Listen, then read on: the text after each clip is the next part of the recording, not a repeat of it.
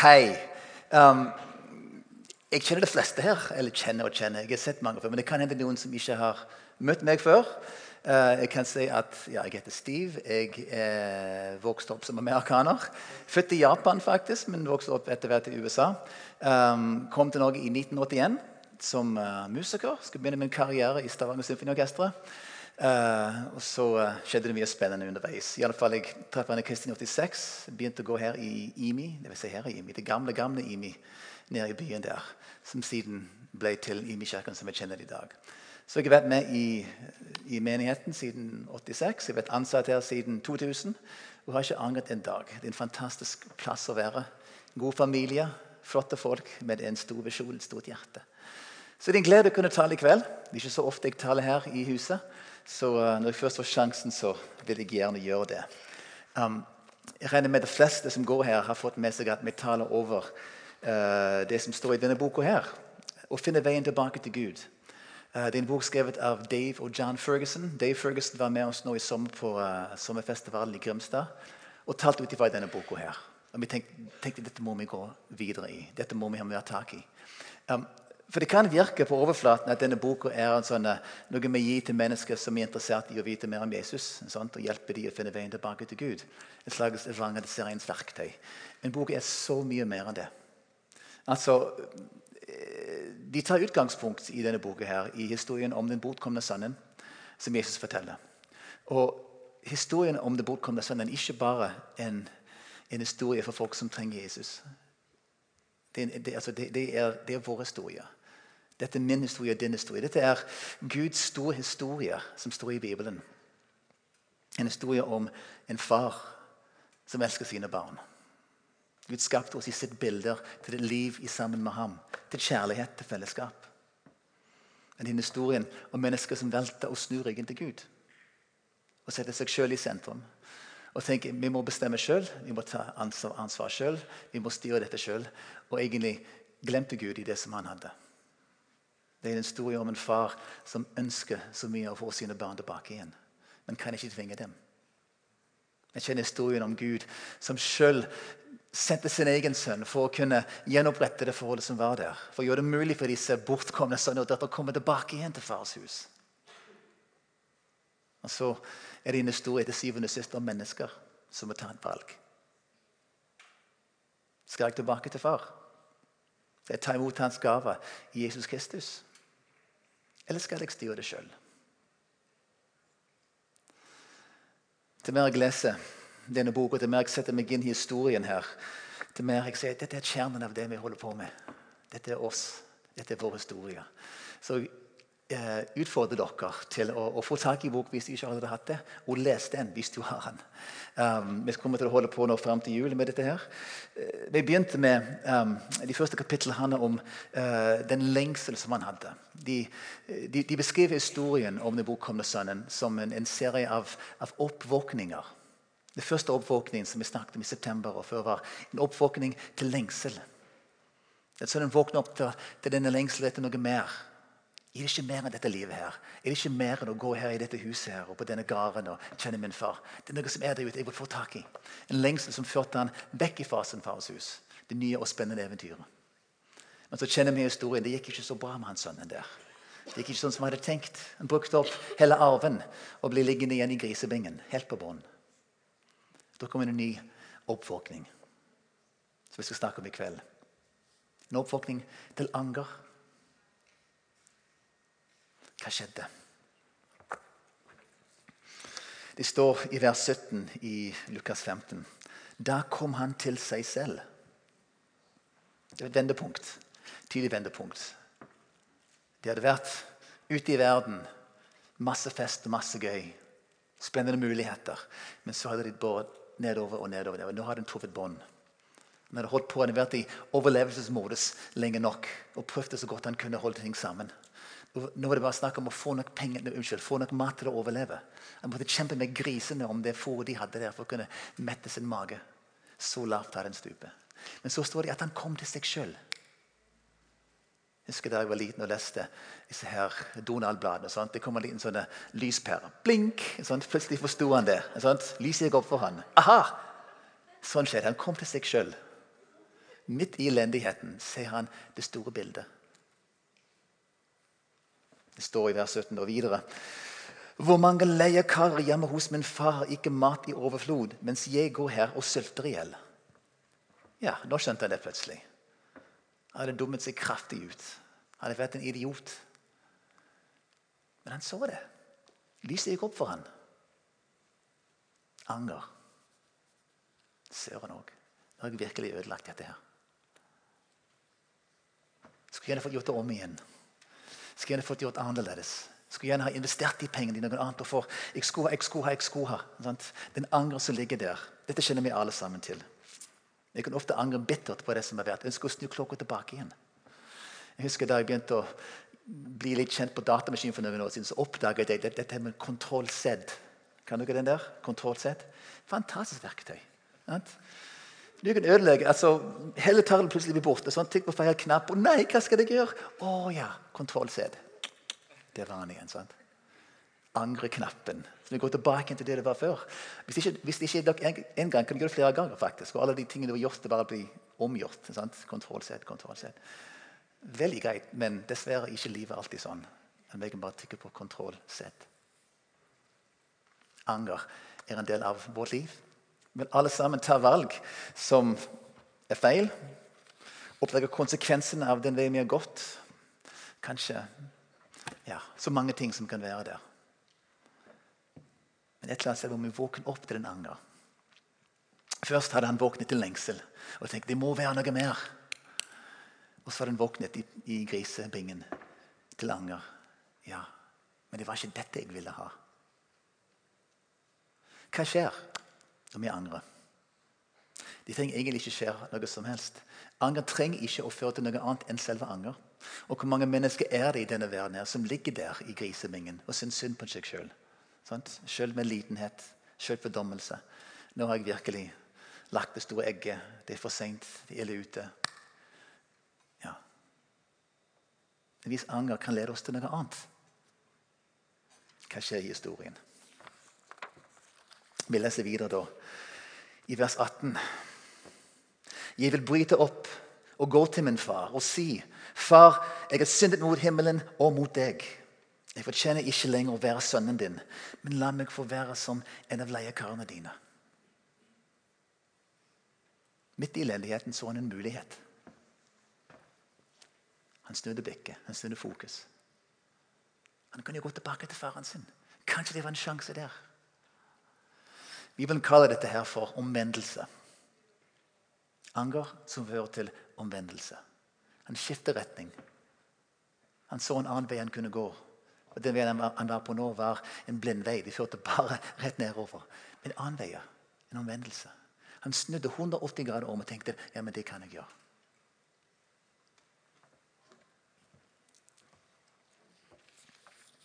Ordet omvendelse, altså det ordet som er oversatt fra det greske i Det nye testamentet til norsk omvendelse, egentlig ord som heter metanoia. Det setter sammen av to ord. Meta betyr å endre og forandre. Noia betyr tanke eller sinn. Så omvendelse betyr egentlig å skifte sinn. Å få en ny retning. Å ombestemme seg og få et nytt mindset. Det handler om å snu om og velge en ny retning. Hva assosiasjoner får du når du hører ordet omvendelse? Omvend dere. Omvendelse.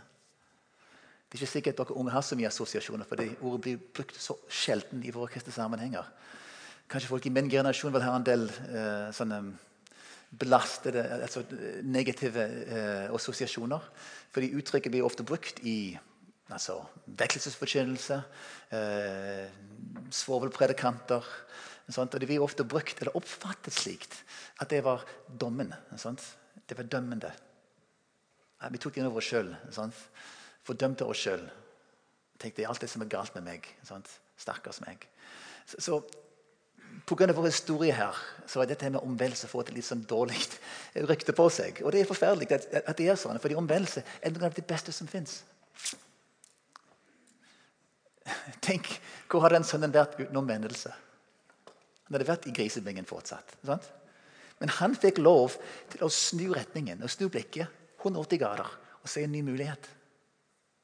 Hva er bedre enn det folkens, å kunne være i en situasjon der vi får lov til å snu om og vende oss om fra det som bare fører til død og elendighet, og alt det der, og snu fokus videre til en vei som gir oss liv?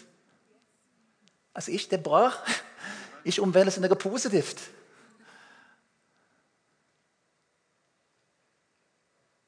Men det kommer én ting til. For anger og omvendelse fører egentlig ikke til noe som helst hvis ikke de føler det tredje skrittet. Hva skjedde?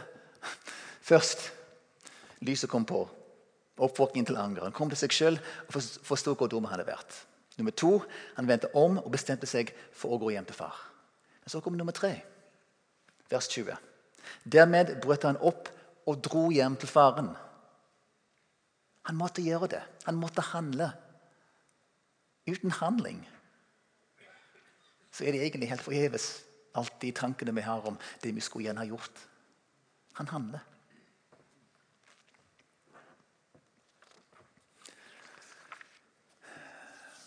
For noen år siden skulle jeg ha en tale på en uh, familiegudstjeneste eller fellesgudstjeneste her hjemme i kirka. Der ungene var til stede.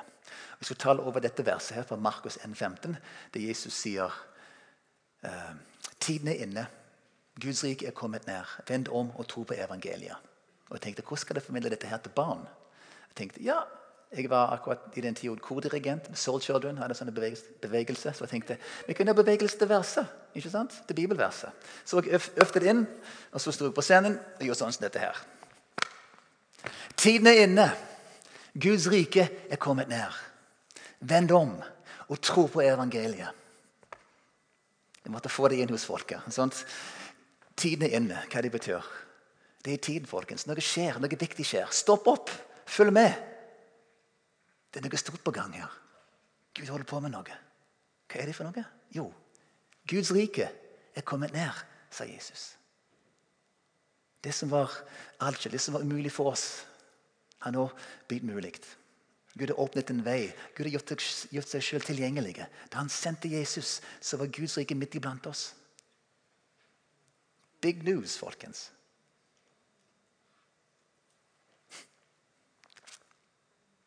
Og Så sa han, 'Vend om'. For du får ikke denne her hvis ikke du vender om. Du må gå en annen vei, du må skifte retning. Han viste at folk han snakket til, de hadde feil kurs. De holdt på med helt andre ting. De hadde seg sjøl i sentrum. De jobber og strever for å bli de og Gud. De holdt på med loven. Nei, du må vende om, sa han. Og så må du tro på evangeliet. Legg merke til disse bevegelsene. sant? Jeg sa ikke 'vend om og tro på evangeliet'. Jeg sa 'vend om og tro på evangeliet. Hva er forskjellen mellom tro på evangeliet eller tro på evangeliet? Hva er tro? Hva handler tro egentlig om? Så I vårt vestlige mindset tenker vi ofte at tro handler om tankene, om meninger, om overbevisning, om det som skjer her oppe i hodet vårt. Sant? Det er ikke tro. Det er det det starter. Men hvis ikke tro fører til handling, så er det dødt. Det står i Jakobsbrevet. En tro uten gjerninger er en død tro. Enkelt og greit. Skal vi tro på det som Gud gir oss, så må vi ta imot det. Vi må, gå vi må satse på det. Tro leves ut med hender og med føtter, med munner og med armer og med lepper. Altså, Det er tro. Skjønner vi det? Så denne her med omvendelse og anger, som er så positivt som bare det Hvis det bare fører til noe handling, da kan det bety store ting for oss. Kan vi ikke alle sammen reise oss opp og så tar vi dette bibelverset, så vi husker det? Ok? Nå skal jeg bare gjenta etter meg først. ok? Med bevegelser. Alle sammen ut i en retning her. Jeg tar et skritt. ok? Klar? Ok, Jeg sier det først, og så gjentar dere. Tiden er inne. Guds rike er kommet ned. Vend om og tro på evangeliet. En gang til. En gang. Det må vi huske. Tiden er inne. Guds rike er kommet nær. Vend om og tro på evangeliet. Så tar vi det sammen, hele greia. Kan vi det nå? Dere er kjempeflinke, altså. For en gjeng. Woo! Nesten som amerikanere. OK. Én, to, tre. Tiden er inne. Guds rike er kommet nær. Vend om og tro på evangeliet. Bra. Setter dere ned. Klapp for dere sjøl. Altså, kan dere se at det er akkurat dette her som skjedde med sønnen? Pling! Oppvåkning til anger. Han skjønte hva som hadde skjedd. Så så han en mulighet. Kanskje faren vil ta imot meg likevel. Kanskje det fins et håp. Kanskje det fins kjærlighet der. Så vendte han om. Jeg skal gå hjem til min far. Jeg skal si, 'Far, jeg har syndet mot deg og mot himmelen.' Jeg fortjener ikke å bli kalt en sønn lenger, men ta meg som en av dine, dine, dine tjenere. Og så trodde han. Han trodde at det var sant, og han gikk, og han gikk til sin far. For en historie. Men ikke bare en historie om noe annet. En historie om oss. Hvordan er det med oss da i dette? her? Hvor er vi i den historien? Hva med anger? Hva er det vi angrer på? Hva er de dumme valgene vi har gjort? Hva er de ting vi kommet borti som vi ikke skulle kommet borti? Hva er de feil prioriteringer vi har gjort?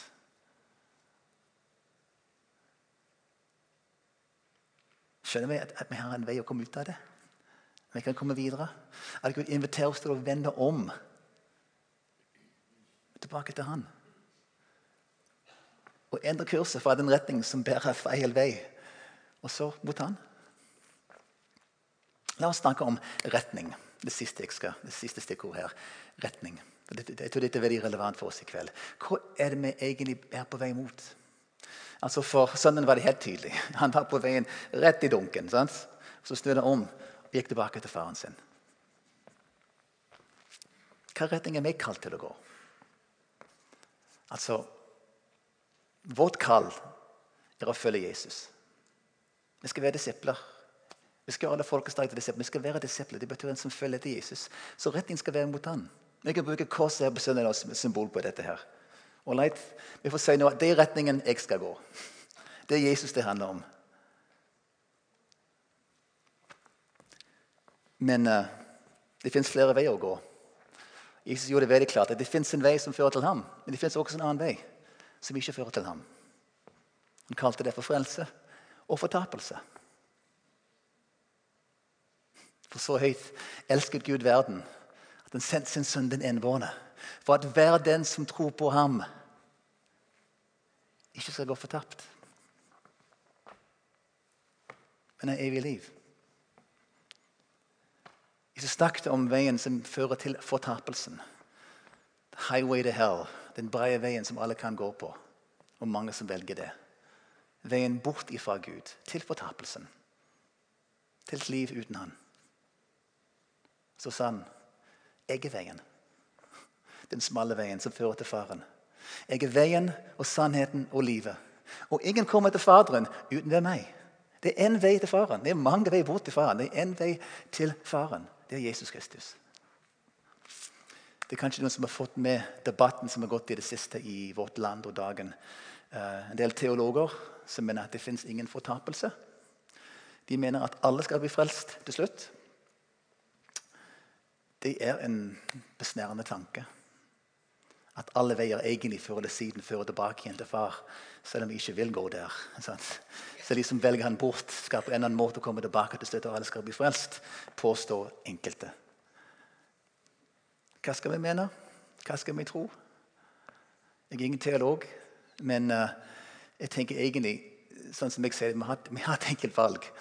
Vi kan enten velge å tro på Jesus og de ordene han sa. Eller vi kan tro på teologene som tror at de vet hva Jesus egentlig mente.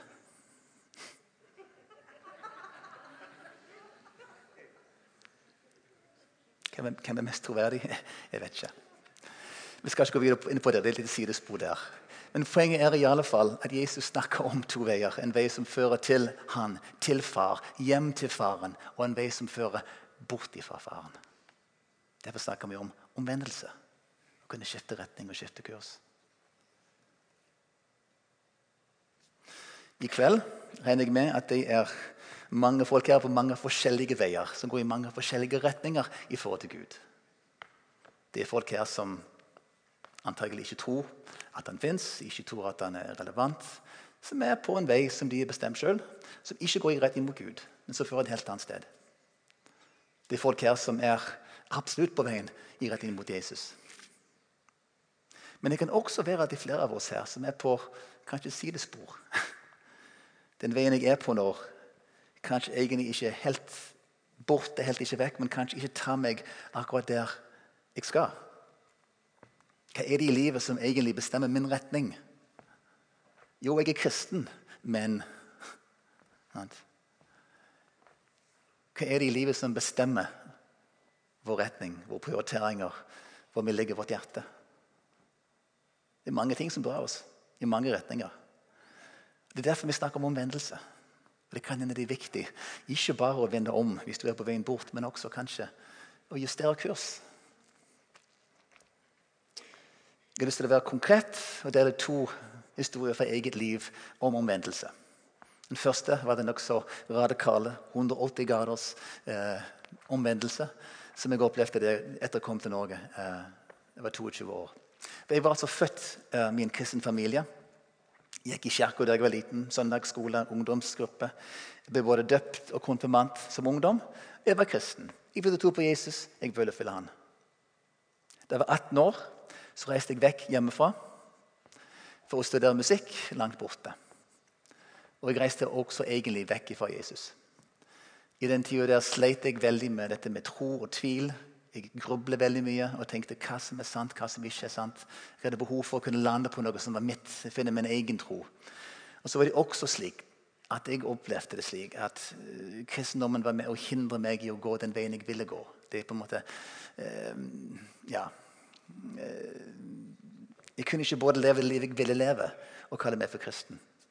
Så Derfor sa ok, jeg velger tvilen, jeg velger botroen.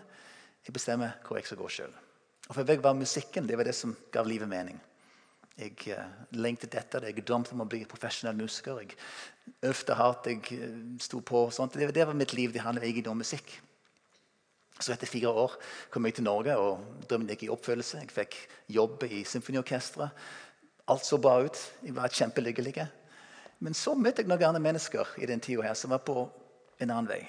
Noen kristne unge voksne som hadde et band. og De trengte en trommeslager, så jeg begynte å spille med de. Og Disse her hadde en annen retning enn det jeg hadde.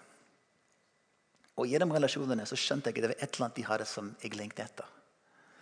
Jeg hadde lagt Jesus bak meg, trodde jeg, men likevel var det noe som dro i meg. Og så De hadde noe som jeg ikke hadde. De hadde en, en glede, en trygghet, de hadde en, en, en fundament i livet som jeg ikke hadde. Altså, Musikk var bra, men jeg skjønte fort det var ikke det jeg skulle bygge hele mitt liv på.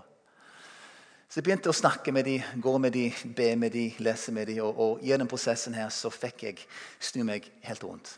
I påske 1982, på Stavsjøen lærested, Indremisjons så sa jeg Jesus, jeg tror. Hjelp meg i min vantro. Jeg vil følge deg nå. Jeg vil satse på deg. Jeg vil gå den veien med deg. Og jeg fikk hjelp til å gå den veien. Jeg var ikke alene. Og begynte den vandringen som gjorde at jeg kunne gå mot Jesus og leve det livet jeg har i dag, som jeg aldri har angret på et sekund. For meg var det klart en omvendelse fra 180 grader. Sant? Helt vekk fra Jesus til rett på han. Men siden den gang har det vært mange andre, kanskje mindre dramatiske omvendelser også. Som jeg sa, Du kan fort oppleve at du er på et sidespor. Du går en vei som ikke er helt som du skal være. Og jeg, eh, For noen år siden så opplevde jeg en, en behov for en ny omvendelse. Så når jeg var født inn i en familie, eh, så vokste jeg opp med et bilde av Gud som min egen far. Som var ganske streng, autoritær.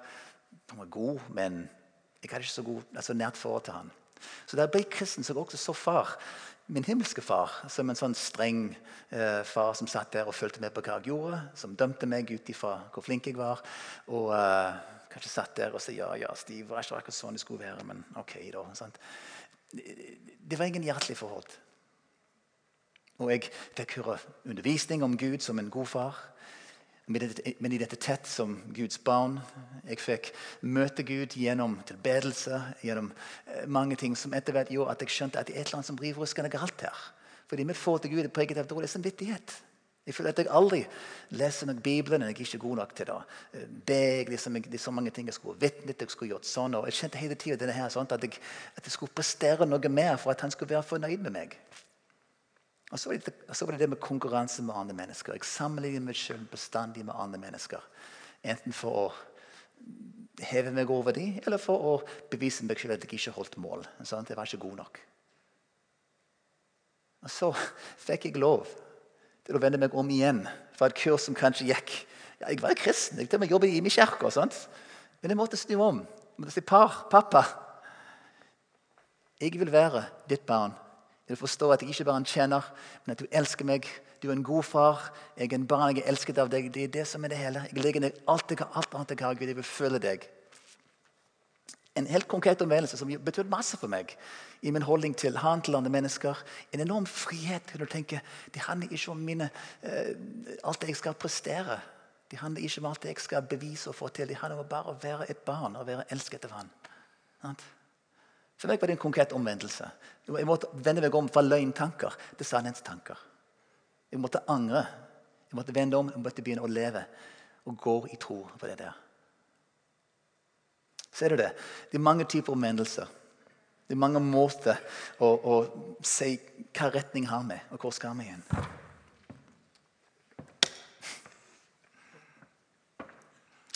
Så hvor er vi i dag, da?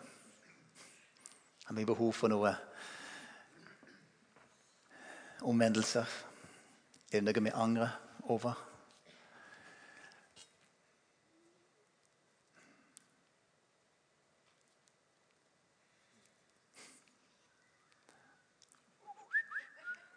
Ja, sikkert en tegn fra Gud. Du har fått en melding fra han.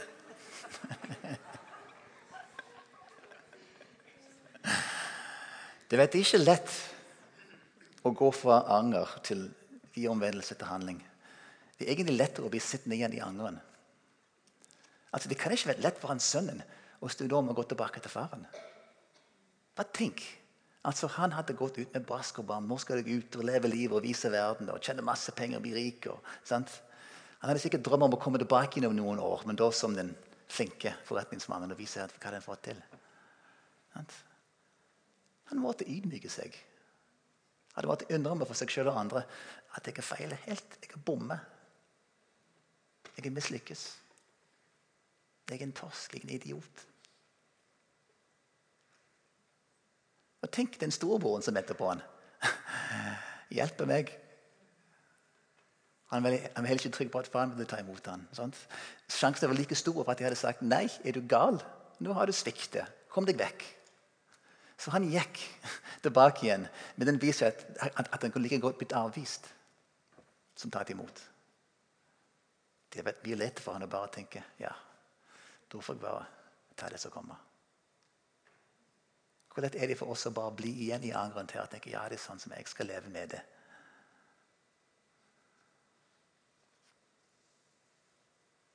Men det er en pappa som står der. Si bare 'kom igjen'. Kom. Kom. Jeg ordnet det. Jeg gav min sønn for å dø på korset. For at du skulle lov å komme tilbake til meg og bli kvitt all den synd, all den skam, all den skyld som du går og bærer på. Du skal få lov å angre og gjøre opp og bli rene og bli hel og bli fri. Far, kom. Hvorfor holder vi fast på disse tingene her? Omvendelse. Kanskje det fineste ordet jeg kan tenke. Iallfall hvis du er i grisebingen. Du trenger ikke være i grisebingen heller.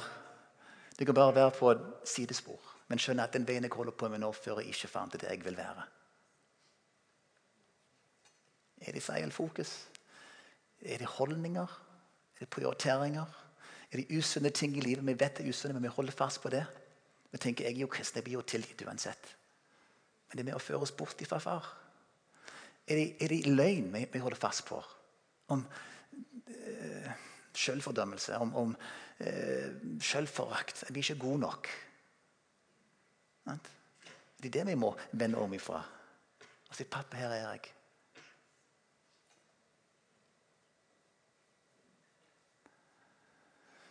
Så alvorlig dette var. ja, um, Dere skjønner poenget. En spennende historie som vi kan lese fra Lukas 15. Men det er også en invitasjon fra pappa til å komme hjem. Ta det på alvor.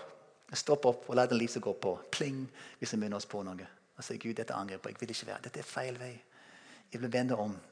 Jeg vil til deg. Jeg vil ha deg på førsteplass i mitt liv. Jeg vil satse på deg. Jeg vil tro på deg med hele meg. Og så bare til det begynner å gå. Ikke alene, men med andre. Det er det som er så flott med menigheten. Vi slipper å gjøre det sjøl. Vi kan gå sammen med andre. Kanskje du er her i kveld som vet at du ikke er på veien mot Gud i det hele tatt. Men kanskje du har fått nok nå. Kanskje han drar i deg nå. Du kjenner hjertet banke. Jeg vil. Jeg vil snu. Jeg vil vende om. Jeg vil tilbake til pappa. Jeg vil hjem til min far. Det kan du bestemme deg for her og nå. Og kanskje de første skrittene du kan ta, er bort til forbedre etterpå og si må be for meg. Jeg har lyst til å bli kristen. Jeg har lyst til å følge Gud. Følge Jesus. Kanskje du skal snakke med ektefellen, kanskje du skal snakke med noen i din cellegruppe eller hvor det nå er, huskirke. Men, um, men, hvis du opplever Gud drar i noen år, så gjør noe med det. Og husk dette her. Han er ikke det med pekefingeren. Vend om. Han står der med åpne armer. Vend om og kom hjem. Fordi jeg elsker deg. Jeg elsker deg. Give me lovsangsteam.